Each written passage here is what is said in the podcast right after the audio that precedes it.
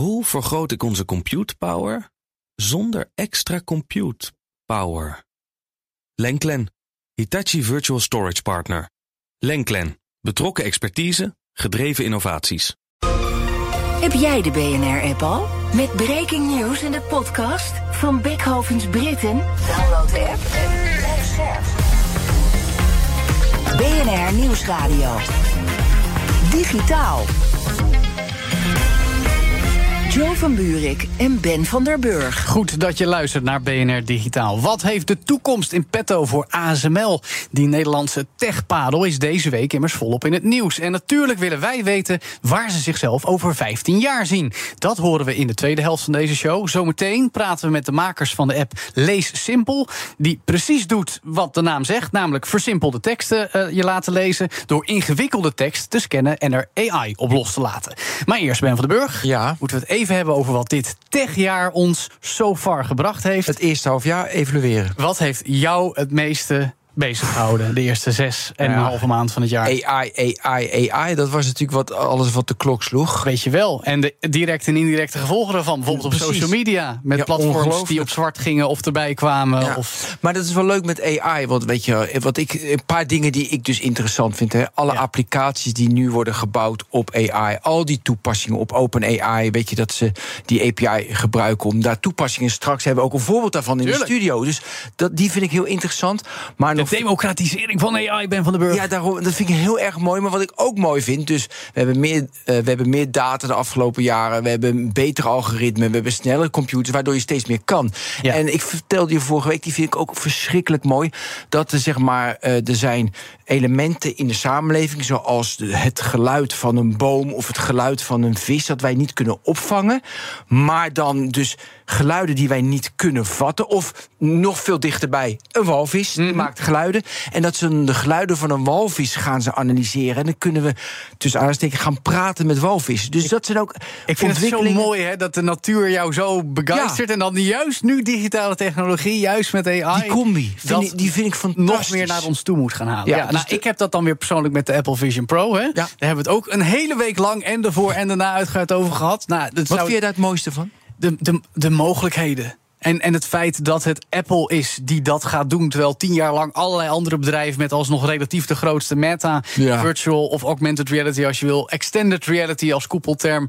En dan nu Apple. Het moet het dan echt gaan, gaan waarmaken. Maar ja, dat gaan we pas volgend jaar zien. Ja. De giga-overname van Activision Blizzard door Microsoft. Die dan misschien mogelijk eventueel zeer waarschijnlijk toch mag doorgaan. Maar nog steeds niet helemaal zeker. Is actueel deze week. En Ben, Ja. de autoriteiten, als we daarover hebben. Dat is ook zo De interessant. hè? bakregulering op techgebied, vooral vanuit ons deel van de wereld en alle gevolgen daarvan. En de mogelijkheden die het wel of niet creëert. Uiteindelijk, weet je, Europa, het menselijke, het menselijke. eh, Amerika en China is een ander verhaal. De business, de business. En hoe ga je dat combineren? En wie is dan beter af? En we, merken, we hebben een AI-regulering, social media, eh, ja, hoe het regulering. Platformregulering. En wij zien dus heel erg van, van- we zijn zoveel bezig met regulering tegenwoordig. Ja. Dus je denkt, vroeger denk je technologie, mooie dingetjes maken, mooie applicaties. Ja. Nee, Nee. komt regulering bij. Ja, en we gaan apps niet naar Europa brengen, want het is te streng. Dat heeft Meta gedacht. En ja. Ja. moeten we hopen dat in de tweede helft van 2023 misschien Threads onze kant op komt. Maar denk je nou echt dat we echt achter komen te lopen? Dat, we, dat het echt ons gaat schaden, Ik, Europa? ik vrees er een beetje voor. ja, ik denk het dus ook. Op de, op, de, op de middellange termijn gaat het ons gaan. Op de lange, lange termijn zou het ons leven aangenaam moeten maken voor iedereen in de EU. Ja. Maar die, dan moet die belofte wel worden waargemaakt.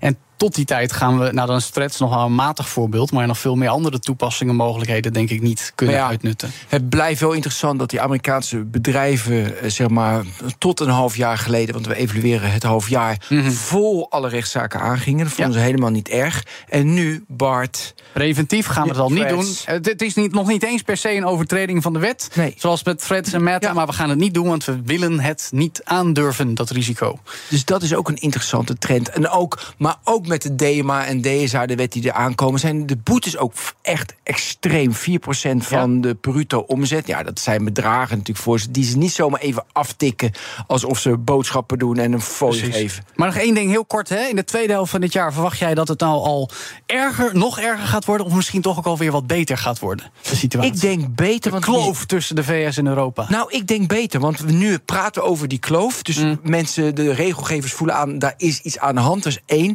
En twee, je ziet nu al de hele hype van ChatGPT. Weet je, Mhm. Het aantal gebruikers per maand neemt af. 10% minder van mei 10% naar juni.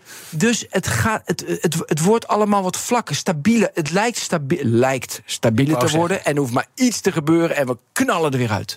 Met z'n allen. Ja, over knallen gesproken. Nog één keertje. Joe van Buurik en Ben van der Burg. In ieder geval het gaat om toepassingen met AI... die in dit geval bedoeld is om grofweg 2,5 miljoen Nederlanders te helpen. Want die zijn namelijk laaggeletterd. Dat zijn mensen die moeite hebben met lezen, schrijven en rekenen. En het Rijk wil dat graag oplossen met geld. Maar ook vanuit de techhoek wordt nagedacht over mogelijkheden... om hun situatie te verbeteren. Een van die oplossingen is Lees Simpel. Een app die met behulp van AI brieven en andere teksten... vaak moeilijk, eenvoudig samenvat. En bij ons in de studio zijn twee van de makers van die app om dat toe te lichten. Hester Benedictus, bedenker van Lees Simpel. En Lucas Meijer, ontwikkelaar van Lees Simpel. Welkom allebei. Dankjewel. Goed dat jullie er zijn.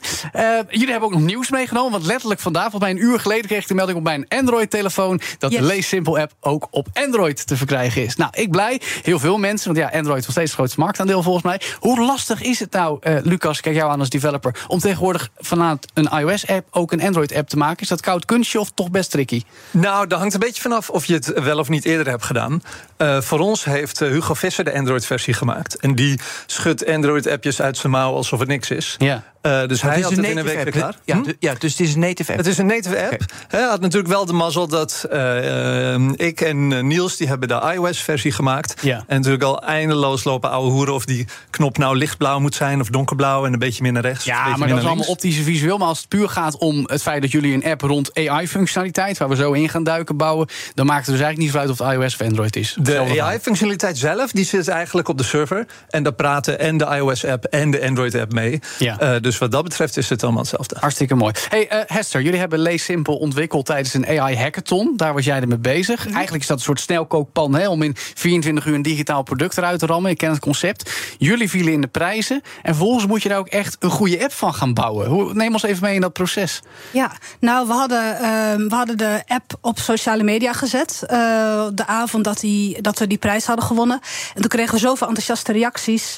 dat we besloten als team om de app te gaan ontwikkelen. En eh, het is op zich niet heel gebruikelijk. Niet alle projecten die op hackathons worden gemaakt. zien ook daadwerkelijk eh, het levenslicht, zo gezegd. Dus dat is iets waar we heel trots op zijn. Wij zijn Ja. een week na de hackathon bij elkaar gaan zitten. ehm, en hebben ge- gezegd: hoe gaan we dit met elkaar doen? En we hebben allemaal eh, gezegd: we gaan dit als een maatschappelijk initiatief doen. En we werken hier aan naast ons werk.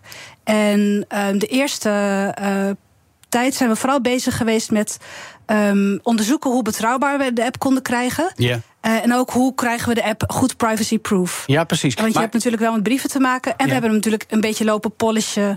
Eh, het design, Tigo Litjes, onze designer, heeft een heel mooi design gemaakt. We hebben foutmeldingen in de app gestopt. Die zaten er natuurlijk in het prototype op de hackathon ook nog niet in. Ja, precies. Het is natuurlijk een heel nobel en mooi doel. Hè? Er zijn moeilijke teksten waar heel veel mensen niet mee overweg kunnen. Jullie maken een oplossing met AI die dat versimpelt. Ehm, had je dat concept al langer in je hoofd? Of is het echt in die 24 uur opeens opgekomen dat jullie eigenlijk de eerste versie hebben gebouwd?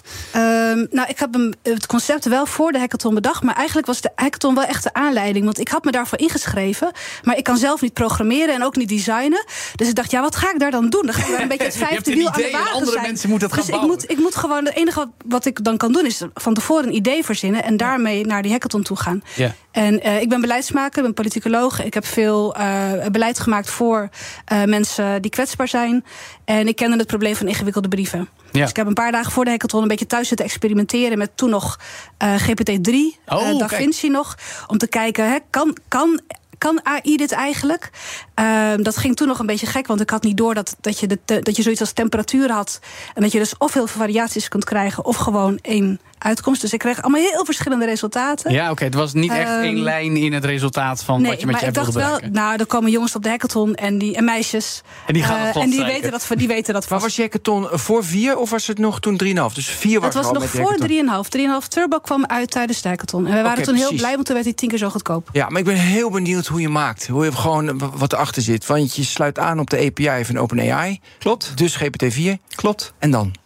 Ehm, de, nou, eigenlijk het eerste maken is niet zo eh, heel ingewikkeld. Dan, eh, in het Engels hebben we een soort van prompt dat we zeggen van... yo, er is hier een ingewikkelde brief. met yo. Nou, je zal, het zal je verbazen je scant- je scant hoe joviaal je met hem kan communiceren. Precies, je scant een tekst en die geef je eigenlijk aan de AI, hè? Ja, eigenlijk in de Android en iOS-telefoons zit eh, tekstherkenningstechniek. Die laten we los op het camerabeeld. En daar krijgen wij gewoon platte tekst uit. En die geven we aan de OpenAI API. En daar doen we zeg maar een vraag bij. Van Wat voor prompt? Wat voor prompt dan? nou, ehm, iets van. Eh, dit is een eh, ingewikkelde brief. De gebruiker wil graag een samenvatting. We willen graag dat je het in bullet points samenvat. En bij ieder, ieder bullet point een passende emoji vindt. De app die doet bij ieder bullet point komt er zo'n leuk plaatje. Die eh, Ja. verzint GPT ook voor ons. Eh, we willen graag dat je, moet Hesse me even helpen, dat je in eh, taalniveau 2b. Oh, kijk. B, B1, maar dat B1. bleek je toch niet zo goed te kennen. Dus we, hebben, we leggen hem uit wat voor taal die moet gebruiken. Maar dit zijn klassificeringsniveaus van de Nederlandse taal... zoals de Ja. overheid Ja. ze, ze Ja. formuleert, We refereren op dit moment in de prompt aan eh, de taal voor allemaal eh, guidelines. Die blijkt die te kennen. Zou je ook kunnen zeggen Jip en Janneke taal? Zou die dat snappen? Dat snapte die volgens mij. Dat hebben we hebben wel eens geprobeerd, maar dat. Ja. Maar hè, hier kom je meteen al bij Dit de moeilijkheid aan. Die ja. eerste prompt maken en dus zeg maar maken dat hij dat redelijk eh, teruggeeft. Dat is eigenlijk niet zo moeilijk. Maar dan, eh, dan als je het vervolgens wil veranderen, bijvoorbeeld, hm, misschien moet ik Jip en Janneke taal zetten. Zou dat nou beter zijn? Hoe je zeg maar evalueert wat de gevolgen zijn van een promptverandering op brieven, dat is eh, ja, het testen met een taalmodel. Dat is voor een programmeur echt wel even wennen vergeleken met normaal programmeren. Normaal is het met code en nu moet je een soort van. Eh, Ja, moet je het zeg maar aardiger gaan vragen? Of, Ja. hè, we- Maar dat is wat triviaal, want het gaat dus ook, ik bedoel, dat merken we natuurlijk al vaak met het prompten van ChatGPT. Het hangt heel erg van je formulering af, van de mits en die je erbij aangeeft. Eh, om een bevredigend antwoord eruit te krijgen, zal ik maar zeggen. ja, en dat er kan zijn nu niet, natuurlijk- want je, je dient alleen als gebruiker van de app de foto in, zou ik maar zeggen. De gebruiker zelf die kan natuurlijk niet eh, aan de prompt sleutelen. Maar Ja. ik als maker van de app Ja. eh, kan het wel doen. Maar het is helemaal aan jou, bedoel ik te zeggen, als maker van de app. Je hebt er nul invloed op als gebruiker. Klopt. Ja, ja. En, ja, en, en hoe vaak doe je dat? Dan heb je gewoon een CMS'je waarbij je nieuwe prompts... omdat je hem wil optimaliseren. Nou, ik moet zeggen, op dit moment, we hebben hem nu al wel een hele poos goed is aangepast. Maar, ehm, eh, la, wat is het? Vorige week kwam OpenAI met nieuwe taalmodellen. Ja. Ja, dan willen we natuurlijk kijken, oké, wat is eigenlijk het effect hierop? En dan wil je dat niet op één briefje kijken en dan een beetje zo, "Ah, is wel oké. Hè, En dan wil je het eigenlijk op een hele batterij brieven. En dan wil je ook, eh, en dat is wel leuk, die manier waarop je het evalueert of je het goed doet, dat doe je ook weer met een taalmodel. ja, ja. Hè, dus dan de beste taalmodel. Die Je dus laat hem zet je zichzelf oordelen. Nou, niet. eh, het kan bijvoorbeeld best zijn dat je een prompt doet met 3,5 turbo, Ja. dat die zo goedkoop is, maar dat je die dan laat evalueren door GPT-4. Die is Ah, ja. veel duurder, maar veel beter. En dan kan je hem bijvoorbeeld vragen: hey, wil je deze samenvatting even scoren aan de hand van de taal van allemaal guidelines en dan zeggen precies welke punten die niet aan voldoet? Ja. En dat, ik kan op een knop duwen en dan doet hij dat over al die brieven. En dan krijg ik mooie diagrammetjes met staafdiagrammetjes en zo van. Nou, hij is wel. Hè, hij is iets minder op taal, maar hij maakt wel kortere zinnen. Ja. Eh, en hij lijkt ongeveer wel dezelfde. Hè? Het Ja. is niet heel veel langer of heel veel korter. Maar even een gekke vraag misschien aan Hester. Eh, gaat dit nou ook mis? Krijgen jullie feedback van gebruikers die zeggen... nou, ik heb nu een brief gescand, ik krijg zo'n raar versimpelde tekst? Of, of valt dat eigenlijk wel mee? Eh, het valt. Hij, GPT-4 kan echt ontzettend goed samenvatten. Wat ik wel merk is dat ehm, eh, iedereen die samenvat, ook een mens die samenvat, die maakt keuzes. Dus wat neem je wel mee in een samenvatting en wat niet? En soms denk ik, nou, er staat een beetje veel informatie in deze samenvatting. En soms denk ik, je hebt iets weggelaten wat er eigenlijk in had gemoeten. Hmm. En dus dat, dat kan nog wel eens gebeuren. Soms kijk ik, dan, dan kijk ik er wat beter naar. En dan denk ik soms ook wel eens, ja, GPT-4 dat zag het misschien eigenlijk gewoon beter dan ik. Mhm. Ehm, en wat we, maar over het algemeen zijn het goede samenvattingen en zijn ze ook veel leesbaarder dan het origineel. Dus het maakt de brief echt een stuk toegankelijker. Ja. Wa- Wat nu als iedereen dit gaat gebruiken? Want dan hebben ze misschien de verkeerde, de verkeerde samenvatting. Wat jij zegt, dat kan gebeuren. Ja, en dan heb jij niet de goede samenvatting van een moeilijke brief van de overheid. Ma- maak je daar zorgen over? Denk je van nee, uiteindelijk wordt het goed, ik vind het prima. Nee, maar hij, hij vat over het algemeen hij vat heel goed Oké, samen. dus hij vat heel goed samen. De kwaliteit is goed. Dat hebben we dus ook echt vrij, vrij uitgebreid onderzocht. Wa- wat we dus wel eens zien is dat er soms een element niet in staat waarvan je zou kunnen zeggen dat had misschien wel gekund. Ja. Maar de kern van de brief haalt hij er eigenlijk altijd uit. Even een ander punt wat je net volgens mij al heel kort aanhaalde: privacy. Want eh, als ik het goed begrijp, wordt de data uit een brief gewoon op de servers van OpenAI opgeslagen. Een maand, conform AVG, denk ik. Is dat niet te omzeilen?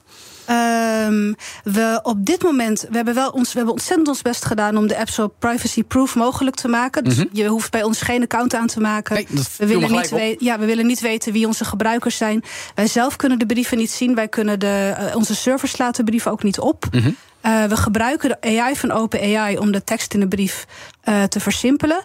En dat doen we via de, via de API van OpenAI. En dat Ja. is wel echt een belangrijk onderscheid. Want en, die, die kom ik te weinig tegen, vind ik, in het privacy-debat over AI. Oh. Via ChatGPT ehm, wordt de informatie die je via de je het via hun me- eigen via systeem, hun eigen, ja. syste- via hun eigen chat, chat eh, app meegeeft, kan de data worden gebruikt om het model mee te trainen. Dus Ja. dan zouden je brief in het, in, in, in het model terecht kunnen komen. Ja. Als je de API van eh, GPT gebruikt, dan gebeurt dat niet. Dan kan Oh. er in, principe niemand naar kijken. Zij zijn wettelijk verplicht om dit soort data eh, maximaal 30 dagen te bewaren. En dat moeten ze doen omdat zij verplicht zijn om te kunnen controleren of mensen hun AI niet gebruiken om bommen mee te Maar maken. die snap ik. Maar het feit dat jij nu zegt, als je via de API eh, eh, werkt, dan slaat hij dus helemaal niks op. Als in niet, niet, niet op dezelfde manier als Klopt. wanneer de, de eigen. Dat is op zich best wel een verschil. Ja, Weet je dat ook een beetje te benadrukken? Want ik kan me voorstellen, juist omdat het privacy best een heet hangijzer is, dat Ja. mensen misschien terughoudend zijn om je app te gebruiken. ja, we proberen het zo goed mogelijk uit te leggen. We hebben een super simpel privacybeleid geschreven. Ik denk dat wij het meest toegankelijke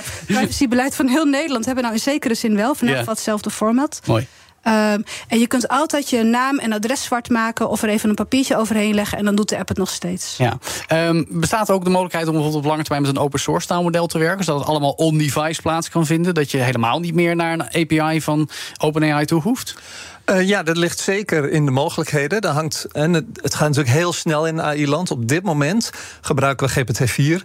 Ik geloof gisteren is Claude 2 uitgekomen. Hè, dus goede kans eh, als ik eh, van de wachtlijst afkom... dat ik datzelfde evaluatiesysteem even over die Claude API heen gooi... om te kijken hoe die scoort op de kwaliteit van de samenvatting... maar ook dingen op beleid van hoe lang ze bewaren... en wat ze daar wel en niet over beloven. Ja. En nou ja, op on-device, dat gaat natuurlijk waarschijnlijk wel als allerlaatste komen. Omdat telefoontjes kunnen veel minder dan eh, grote servers in datacenters. Ja. Maar eh, zodra er een open source model is dat eh, lekker werkt op jouw telefoon, Mhm. eh, dan gaan we wel proberen om die erin te zetten. Ja, maar daar zeg je wat, Lucas. Want ik heb, ik zeg nog een keer, een Google-telefoon, een Android, maar ook nog een Pixel. En Google roept zelf heel graag, er zit AI in. En we kunnen allerlei dingen. Er zit een, een stemopname-app in die zelf ook transcribeert met on-device AI.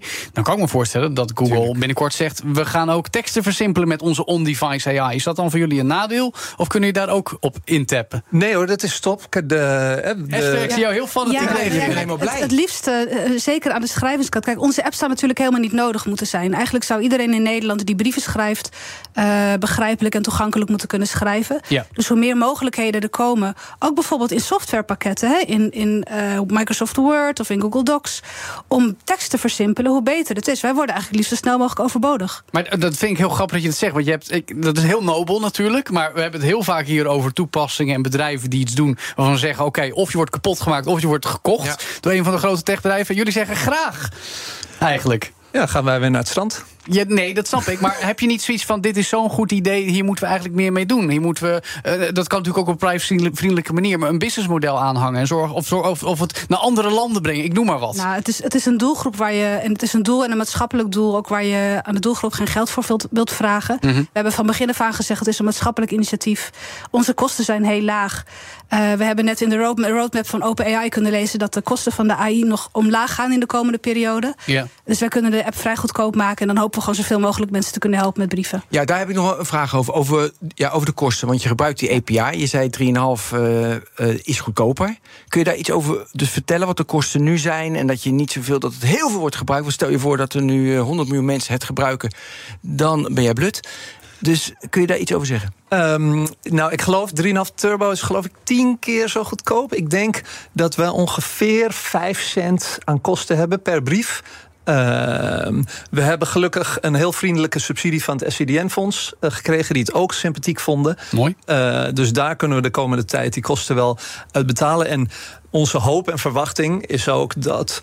Hè, dat terwijl we die subsidie gebruiken, dat de AI-kosten flink omlaag gaan. Als je de kwaliteit van de concurrerende open, open modellen ziet, ja. die de laatste weken zijn uitgekomen, dan kan het haast niet anders dat over een paar weken, maanden, we die 5 cent uh, terug weten te krijgen tot ja. een halve cent of nog lager. Maar oké, okay, daar noem je wat dingen waar je nog naar kan kijken voor de komende tijd. Is verder qua functionaliteit lees simpel als app af? Of, of heb je nog wensen en dromen die zegt zo kan het nog beter worden?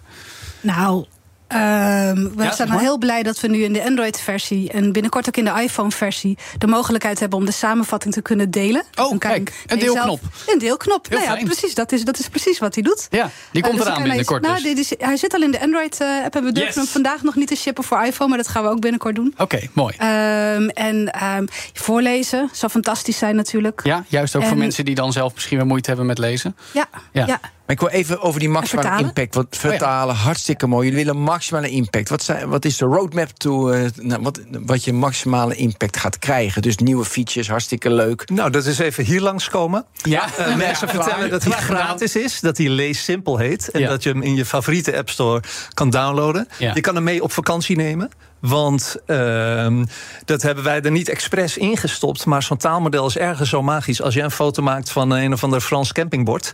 Hè, dan krijg je heel makkelijk uh, gewoon in het Nederlands terug uh, oh, hij wat vertaalt er staat. eigenlijk al? Hij vertaalt. Hè, Ah, wel kijk. alleen naar het Nederlands, maar Ja, ja. van alle talen. Maar dat is al best wel handig met de vakantietijd. Dat is al, Ja, dat doet Eh, Google Translate toch ook? Dus Ja, maar dit doet het simpel. Tenminste, dat dat, is de belofte. Dus dat moeten Ja. we uittesten eh, tijdens je zo'n vakantie bent. Hey, maar dat, uh, dat het standaard in je telefoon komt, in bijvoorbeeld in die telefoon van Joe, heb je daar nog een, dat je mensen benadert, dat je de, de, veel PR, de, wat ga je daar Ga aan je met doen? Google praten bijvoorbeeld? Ja, even een beetje hoog. Oh, ben, ben ik jullie op ideeën ik aan denk het dat, ik denk dat we niet eens de. eh, ik denk dat alle grote softwareontwikkelaars op dit moment bezig zijn om tools te maken die dingen kunnen samenvatten. Ja, Dus dat je straks ook. ehm, en Microsoft heeft al Copilot bijvoorbeeld. zeker. Eh, als je straks in Microsoft Word een brief gaat schrijven, dan heb je gewoon een klein balkje. Ja, nee, dat Eh, hebben ze inderdaad en al dan- getoond. Ja, Ja. precies. Dus, En hè, dat, dus- dat is eigenlijk in lijn met wat jullie nu doen. Maar dan komt het al als vanzelfsprekend in de producten. en, en dan komt het al bij de schrijver van brieven. Ja. Eigenlijk ben je overbodig. Dan zijn wij straks overbodig. En dat, dat vinden we prima. Nou, dat is een hele fijne noot om mee te eindigen. Grote verbazing. Ja, nee, nee, nee. Dat is een uniek gesprek wat dat betreft. En daarvoor wil ik jullie hartelijk danken. Hester Benedictus en Lucas Meijer, twee van de makers van de AI-app Lees Simpel. Gebruik hem, want dan zijn ze binnenkort overbodig. Wie niet overbodig is, zeker de komende tijd nog niet, is ASML. En straks werpen we een blik eh, op de toekomst van dat bedrijf met de directeur Research. Want hoe gaan ze in Veldhoven hun unieke en zeer waardevolle positie in de tech-industrie behouden? Dat horen we, als het goed is, zometeen.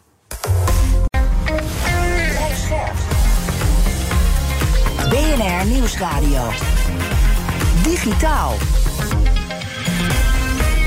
Joe van Buurik en Ben van der Burg. Welkom terug bij BNR Digitaal. ASML staat midden in de geopolitieke strijd tussen China en de VS. En merkt zo dat de steeds strengere restricties qua levering van geavanceerde chipmaakmachines ook gevolgen hebben. Iedereen lijkt te trekken aan het bedrijf uit Veldhoven. Maar als we nou even uitzoomen, hoe kijkt ASML zelf naar de toekomst van de eigen chipmaakmachines? Welke nieuwe technieken komen eraan? En wat kunnen ze daar nog meer mee doen, zoal? Allemaal vragen en meer om te stellen aan Maarten Vonken, directeur research bij ASML. Welkom Maarten in de studio van BNR. Dankjewel. Fijn dat je er bent. Het is nogal een nieuwsweek voor jullie. Hè? Eerder het nieuws dat de personeelsgroei wat afgeremd gaat worden. Dat jullie samen met andere partijen uit de regio en de Nederlandse overheid investeren in fotonische chips. Ook mooi. Zijn dat zaken die jou bezighouden of kijk jij eigenlijk veel verder in de toekomst? Ja, ik, ik werk zelf bij de researchafdeling. En uh, bij de researchafdeling hebben we typisch een horizon die vijf tot tien jaar in de toekomst ligt. Dus wij kijken vrij ver vooruit. Ja. Uiteraard zie ik de nieuwsberichten ook. Uh, over de personeelsaanname, uh, tempering. Ja. Hebben afgelopen jaar bijvoorbeeld heel veel mensen aangenomen. Ja. En uh, wat, we nu zie, wat je nu ziet, is dat we bezig zijn om die mensen goed in te werken. En om die mensen effectief te maken. Het is wel gezond dat we nu even een pas op de plaats maken. Zodat die mensen effectief zijn. We hebben 10.000 mensen aangenomen vorig jaar. Ja. En dat is nogal een klus om die mensen weer uh, op de juiste plek te zien te krijgen. Ja, ik kan me ook voorstellen als jij zegt 5 tot 10 jaar. Je hebt ongetwijfeld allerlei plannen, dingen die in verschillende stadia van voortdurend ja. zijn. Je hebt best wel een team opgebouwd, kan ik me voorstellen, om al die ja. dingen nu te onderzoeken. Dat klopt, ja. We hebben een heel mooi team. En uh, mijn team werkt vooral aan de nieuwe meetsystemen. Ja. Ja, meer, veel mensen kennen ASML niet zo goed. Mm -hmm. uh, ASML maakt machines waarmee je computerchips maakt. Ja. En wat je vaak ziet is dat mensen dat bedrijf niet kennen, omdat we niet leveren aan de alledaagse consument. Maar eh, in je dagelijkse leven heb je eigenlijk altijd met ASML te maken. Het begint eigenlijk al als je s morgens opstaat. Als je alarmklok afgaat, daar zit een chip in. Eh, je, je tandenborstel, daar zit een chip in. Je koffiezetapparaat, je auto, Tuurlijk. je telefoon, je laptop. En al die chips, eh, eigenlijk elk apparaat waar een, een, batterij in zit of een stekker aan zit, daar zitten chips in. En al die chips die worden op onze machines gemaakt. Ja, nee, we kennen ook de klanten, eh, om even drie van de grootste te noemen. Ja. Uh, Samsung, TSMC, Intel. Ja. Zijn allemaal van jullie uh, machines afhankelijk met de EUV-technologie. Klopt, ja. Eigenlijk het, het paradepaardje van ASML. Uh, cutting edge als het gaat om de halfgeleiderlithografie. maar ASML is ook het enige bedrijf dat die machines kan maken. Maar kun je nog even over de gemiddelde luisteraar kort uitleggen hoe dat werkt? en dat jullie de enige zijn die dat zo voor elkaar kunnen krijgen? Jazeker. Ja, ja, EUV-technologie is inderdaad de, de nieuwste technologie die we maken. En Mhm. mm -hmm. de machines die we maken kun je eigenlijk het beste zien als een, als een super geavanceerd kopieerapparaat. Mhm. En uh, ze werken met licht. En hoe korter de golflengte van het licht is, hoe kleinere patroontjes je kunt afbeelden op zo'n chip. En om dat even uit te leggen, golflengtes. Nou, Mhm. Als je kijkt naar zonlicht, wit licht. En als je een regenboog uh, ziet, dan zie je dat dat zonlicht uit elkaar valt uit verschillende kleuren. Ja. Het gaat van rood via oranje, geel, groen, blauw, paars. Ja. En als je dan nog naar verdere, kortere golflengtes gaat, dan krijg je het UV-licht, UVA, UVB. En daarvoor moeten we ons goed insmeren. Ja. En als je naar nog golflengtes komt, kom je bij de deep UV-golflengtes. En dat waren tot een aantal jaren geleden onze paradepaardjes. Ja. Die werkten met diep UV-licht. En naar nog kortere golflengtes, dan zit je op 13 nanometer golflengte. Mhm. Dan zit je bij EUV-licht. En doordat je met die kleinere golflengtes werkt, kun je dus steeds kleinere patroontjes afbeelden. En kleinere patroontjes betekent dat een chip steeds meer functionaliteit heeft. Je Ja. kunt meer transistoren, meer elektrische schakelingen op een chip zetten. En daardoor wordt die chip zuiniger, eh, wordt die krachtiger, eh, wordt die goedkoper, heeft die meer functionaliteit. Ja. En dan kun je, kunnen jouw eh, apparaten kunnen dus meer. Ja, en ze zie- worden nog kleiner allemaal. Hè, ja, precies. Ja. Ja. en je ziet het bijvoorbeeld heel goed als je op je telefoon kijkt. Nu een, een YouTube-filmpje. Je drukt op de knop en je bent het filmpje aan het kijken. Ja, ja. Maar we weten allemaal. Het is ook het netwerk, hè? Het is ook het netwerk. is ook het netwerk maar Ja. ook daar zitten weer chips in. Jullie Maar- maken de hardware die het mogelijk maakt. ja, hè? Dat is het precies. Maar ja, als je Ja. bijvoorbeeld een jaar of tien geleden keek, ja, dat ging met horten en stoten zo'n filmpje kijken. En hetzelfde geldt bijvoorbeeld met zelfrijdende auto's. Ja. dat, eh, die, die technologie wat daarvoor mogelijk is, er zitten ontzettend krachtige rekenchips in. En dat komt allemaal vanwege eh, de EUV-technologie die wij maken nu. Ja. Ja. En jij houdt je dus bezig met het meten of alles goed gemeten is, of het goed allemaal op elkaar is. Ja. Ja, dus Zit. eh, wat, waar onze klanten heel erg in geïnteresseerd zijn, is een term die noemen zij yield. En het gaat over opbrengst. Het gaat erom hoe eh, goed is de kwaliteit van de chips. Mhm. En eh, je moet je dat zien als je een chips. Een chip kun je eigenlijk zien als een soort flatgebouw met 100 verdiepingen. Een chip bestaat uit een stuk of 100 laagjes. Elk laagje met zijn eigen patroontje, zijn eigen eh, floorplan. Mhm. En die moeten afgebeeld worden, laagje voor laagje, precies op elkaar.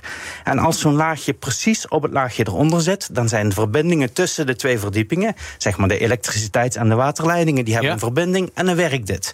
En als je die laagjes net wat eh, scheef erop zet, ja, dan heb je niet meer de goede elektrische verbindingen en dan doet die chip het niet. En wat zijn dan de elementen dat die scheef erop komt te zitten? Ja, dat, dat heeft ermee te maken hoe je dat patroon print. Dus eh, die, die patronen worden geprint op een uh, siliciumplaat, een wafer. Ja. En uh, elke keer moet je een nieuwe laag op die siliciumplaat printen. En die moet precies op de uh, vorige laag uitgelijnd worden. En daarvoor moet je meten.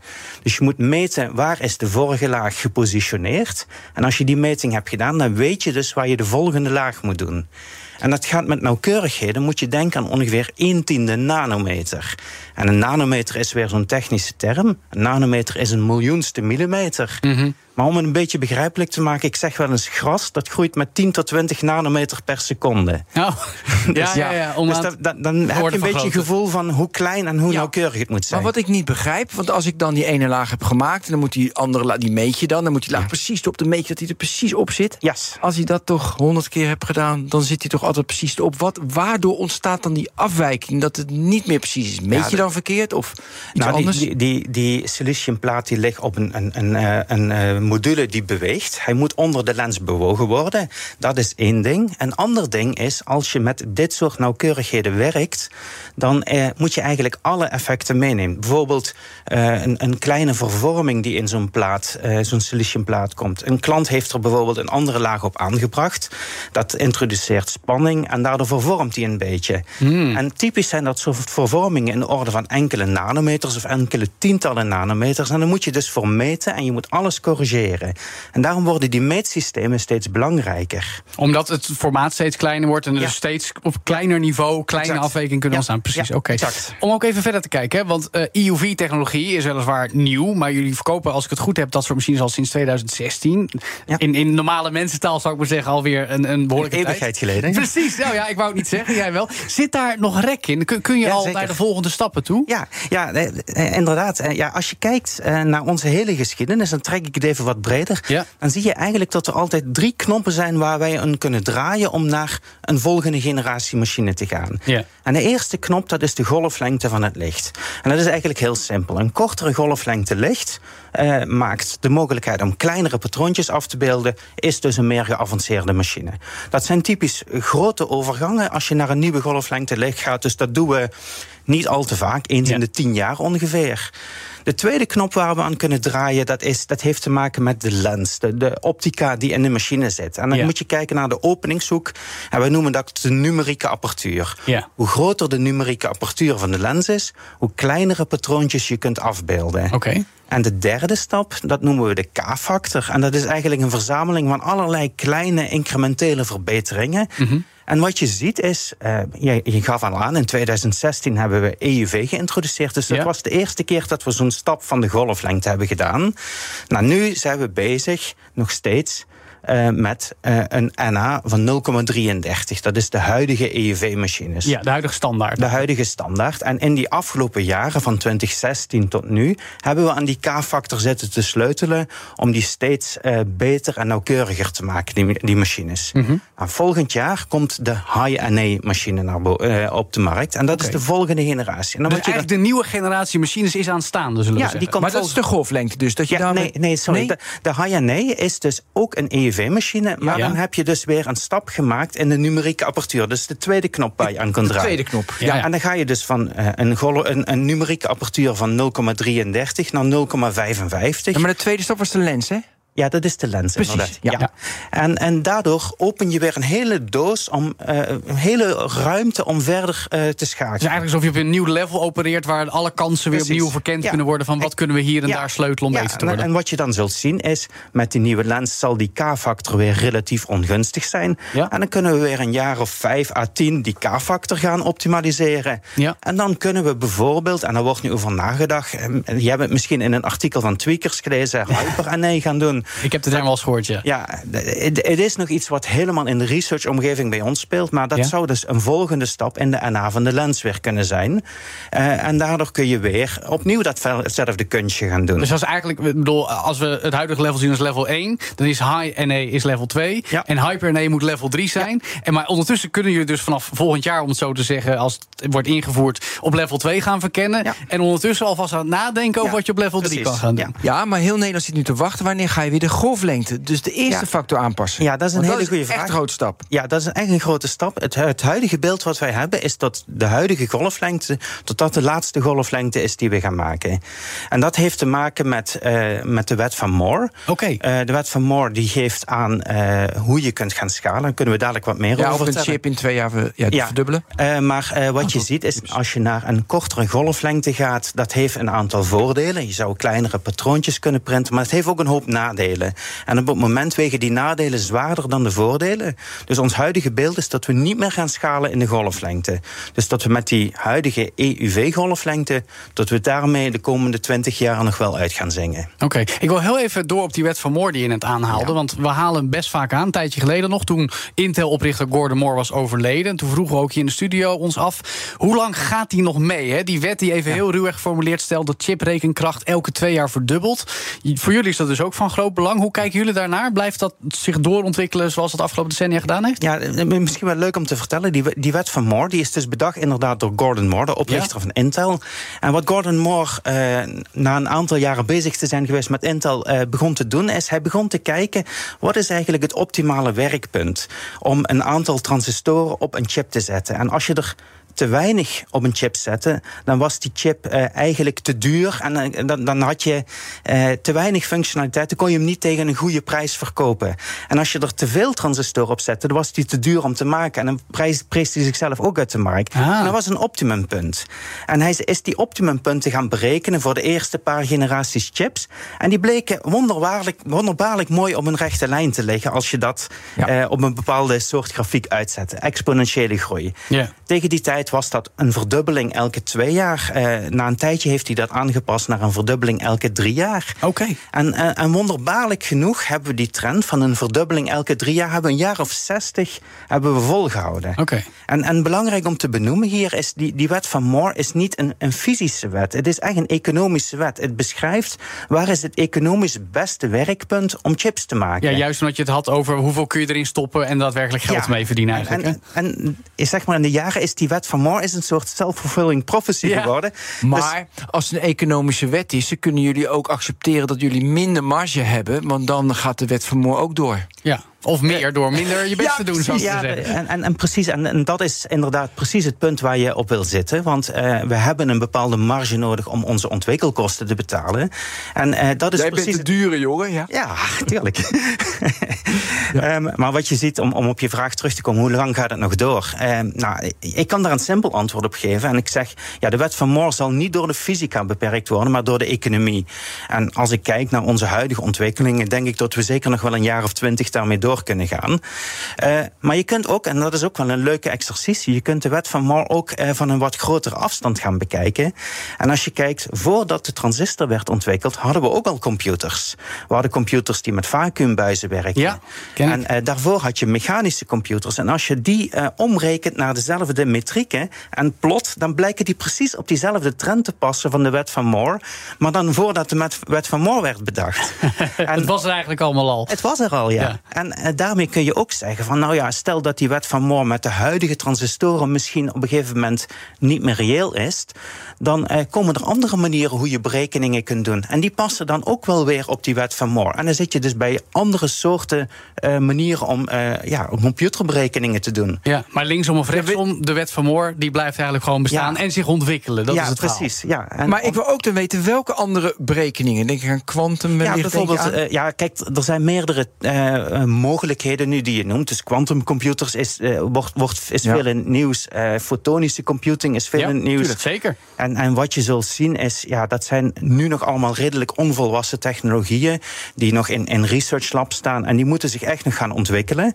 En eh, ja, in de komende 15 tot 20 jaar zal meer duidelijk worden. welke van die technologieën eh, uiteindelijk eh, ja, een opvolger gaat worden van de huidige technologie. Digitaal. En zo praten we door over wat er speelt bij ASML. Internationaal vaak genoemd als een van de belangrijkste bedrijven ter wereld, gezien hun zeer geavanceerde chipmaakmachines. Cruciaal voor grote producenten zoals Samsung, Intel en TSMC. En nieuwe technologie bij uh, uh, ASML wordt ontwikkeld onder toezicht van onder meer Maarten Vonker, uh, directeur research. En hij is nog steeds bij ons in de studio. Maarten, nog iets anders, want eind april kondigden jullie aan dat een bestaande samenwerking met de TU Eindhoven, bij jullie om de hoek, is verlengd. Uh, dat er een nieuwe faciliteit komt voor fundamenteel onderzoek. Waarom is dat zo belangrijk en waarom gebeurt dat bij jullie in de achtertuin? Ja, ik, ja laat me benadrukken, ASML is, is een, een hoogtechnologisch bedrijf. En mm -hmm. voor eigenlijk alles wat we doen, hebben we alle mogelijke technische disciplines nodig. Dat gaat van wiskunde, natuurkunde, scheikunde, elektrotechniek, noem het maar allemaal op. Alles heb je nodig. En um, ja, veel doen we zelf, uh, onder andere in mijn afdeling. Maar uh, we werken ook heel nauw samen met universiteiten. En uh, met de TU Eindhoven werken we heel nauw samen. Maar ook met veel andere universiteiten, zowel in Nederland, maar ook in het buitenland. Ja, en dan hebben we het onder meer over het Vlaamse onderzoekscentrum IMAC, volgens ja, mij. IMAC, IMAC bijvoorbeeld ook, ja. inderdaad. Um, en wat je ziet is, die samenwerking met de universiteiten, dat, dat is echt een win-win. wij halen daar nieuwe inzichten uit. Die universiteiten die zitten dichtst bij de nieuwe ontwikkelingen. Ja. En uh, de universiteiten vinden het fantastisch om met een bedrijf als ASML samen te werken, omdat daar ook weer allerlei nieuwe uh, richtingen, inzichten uitkomen. Dus universiteiten zoeken ons heel erg op. Ja. Nou, waarom nu de TU Eindhoven? Nou, met de TU Eindhoven hebben we eigenlijk altijd al een heel erg goede band gehad. En daar werken we al, al heel veel jaren heel goed mee samen. Ja. Dat is een hele prettige samenwerking waar uh, beide partijen bijzonder content over zijn. Mm -hmm. en, maar concreet, hoe ziet zo'n samenwerking uit? Dus betaal je, zeg maar, uh, zeg maar promovendi? Of wat, hoe ziet het concreet eruit? Ja, dus, dus de, de typische samenwerkingen met universiteiten uh, bestaan er meestal uit dat uh, de universiteiten een, een, onderzoeksvoorstel schrijven. Dat overleggen ze met ons om te kijken of de applicatie voor ons relevant is. En als wij daar ook brood in zien, dan betalen wij een gedeelte van dat onderzoek. Ah. En de Nederlandse overheid betaalt dan vaak een ander gedeelte. Dus dan moet je denken aan NWO, de Nederlandse wetenschapsfinancier, of het ministerie van Economische Zaken. Dat zijn uh, entiteiten die wetenschappelijk onderzoek uh, financieel ondersteunen. En ASML uh, ondersteunt dan mee, omdat wij het ook belangrijk vinden, omdat we daar dingen van leren. En deze samenwerking met de TU Eindhoven kun je ook in zo'n licht zien. Alleen wordt het iets, iets groter en iets structureler opgezet voor de langere termijn. Maar het, het principe is hetzelfde. En komt er echt iets uit, of is het meer voor je ESG-doelstellingen te halen en uh, dat je je maatschappelijke rol moet vervullen? Of komt er ook technisch echt iets uit, wel eens een onderzoek dat je dacht van, nou, dat had ik niet verwacht? Nee, hier komt echt iets uit. Zoals? Dus, ja, nou, bijvoorbeeld met Eindhoven werken we heel nauw samen op het gebied van mechatronica. Mechatronica gaat over dingen die heel nauwkeurig, heel snel bewegen. Mm -hmm. En ik noemde net al waarom die machines zo belangrijk zijn, die, die nauwkeurigheid. Ze moeten ook extreem snel zijn. En wat je daar dus hebt, is die, die siliciumplaten, die liggen op een drager. En die drager die moet extreem snel en extreem nauwkeurig gepositioneerd worden. En dan moet je denken aan versnellingen die vele malen hoger zijn dan de snelste sportauto of een raket. maar wel met een nauwkeurigheid van ongeveer 1 tiende nanometer. Dus ja, ja. dat is de nauwkeurigheid van een atoom. Dus dan moet je je voorstellen, dan heb je daar een, een, een, een ja, blok keramiek. Dat accelereert sneller dan een raket. Uh, dat weegt uh, enkele tientallen kilo's en dat staat met de nauwkeurigheid van een atoom stil. Uh, en om dat te doen heb je dus zeer geavanceerde mechatronica nodig. Ja. En natuurlijk hebben we grote mechatronica onderzoeks- en ontwikkelafdelingen binnen ASML. Maar met de TU Eindhoven, waar ze ook enorm goede uh, kennis en competentie hebben, werken we daar heel nauw samen. Zij brengen echt de nieuwe inzichten in, waardoor wij weer de volgende stap kunnen maken. Ja. Nog even over een ander partnership, ook een beetje een zijstapje, maar ik begrijp dat jullie op meer plekken eigenlijk jullie tech delen. Een voorbeeld dat ik tegenkwam is een samenwerking met het Van Gogh Museum om hun werken te beschermen. Kun je Ja. dat kort toelichten? Ja, zeker. Uh, met het Van Gogh Museum, uh, daar werken we al een tijdje mee samen. Uh, dit is begonnen als een sponsoring. Ja. En, en wat je ziet is, ASML wil het natuurlijk altijd anders doen. En wij zagen wel wat overeenkomsten met Vincent van Gogh. Licht heel belangrijk. Toevallig, nee, nee, toevallig geboren in omgeving ja, ja, bij nu. Zelf omgeving geboren, een beetje, beetje rebels type. Licht speelde een belangrijke rol. En, en wij voelden daar wel een klik mee. En, okay. nou, natuurlijk doen wij een, een, sponsoring daar, maar we wilden daar wat meer doen. En een samenwerking is bijvoorbeeld op het gebied van onderwijs. Ja. We hebben samen met het Van Gogh Museum een, een, onderzoekspro- een onderwijsprogramma ontwikkeld. Dat heet Masterminds en Masterpieces. Waarbij we dus leerlingen enthousiast maken over zowel kunst als techniek. Dan gaan ze bijvoorbeeld met UV-lampjes eh, schilderijen onderzoeken en dergelijke. Dat is hartstikke leuk. Ja. Maar we doen ook een stuk onderzoek. Dus eh, vanuit mijn afdeling ontwikkelen we meetsystemen waarmee we de, eh, de status van de schilderijen van Vincent van Gogh eh, kunnen meten. En is dat dan soortgelijke technologie die je ook eerder vertelde, eh, die gebruikt wordt in de machines? Het, het- het is vergelijkbare technologie, maar met een totaal andere applicatie. grappig. Dus we kijken bijvoorbeeld naar de verkleuring van de schilderijen. Vincent van Gogh gebruikte heel goedkope verf. En je ziet dat die kleuren vervagen. Maar die verf was ook heel slecht. En daardoor zie je dat die nu begint eh, te, ja, te breken. Dus je krijgt hele kleine barsjes erin. Ja. En wat we willen doen is heel nauwkeurig die barsjes in kaart brengen over de tijd. En dan kun je dus zien hoe is de conditie van het schilderij. Ja. En eh, hoe ontwikkelt dat. En eh, daar kun je dus bijvoorbeeld zeggen: van, ja, dit schilderij kun je beter niet meer op transport zetten. Want dan komt hij misschien niet meer zo goed terug. ja, maar, precies. maar kan je de resultaten van zo'n onderzoek ook weer gebruiken voor de volgende generatie chipmachines? Nee, dit, dit, Ja, dit, Dit is meer gewoon een mooi project. Dit is gewoon een mooi project. Prestige, ja, precies. Ja, dit is prestige, dit is leuk. Eh, mensen vinden het fantastisch. Mensen in mijn afdeling die staan in de rij om eraan mee te werken. Ja. Eh, dit, dit is ook hartstikke leuk als ik, eh, als ik sollicitatiegesprekken doe met mensen. En eh, ze, ik vertel hierover. Nou, dan zie je dat de oogjes gaan glimmen. Dit is echt een fantastisch project om te doen. Ja, precies. Nog één, één ding waar ik het even kort over hebben, Maarten. Eh, Ja. Want de afgelopen nou, zeven maanden hebben we het heel vaak gehad over generatieve AI, de exclusieve opkomsten Ja. van.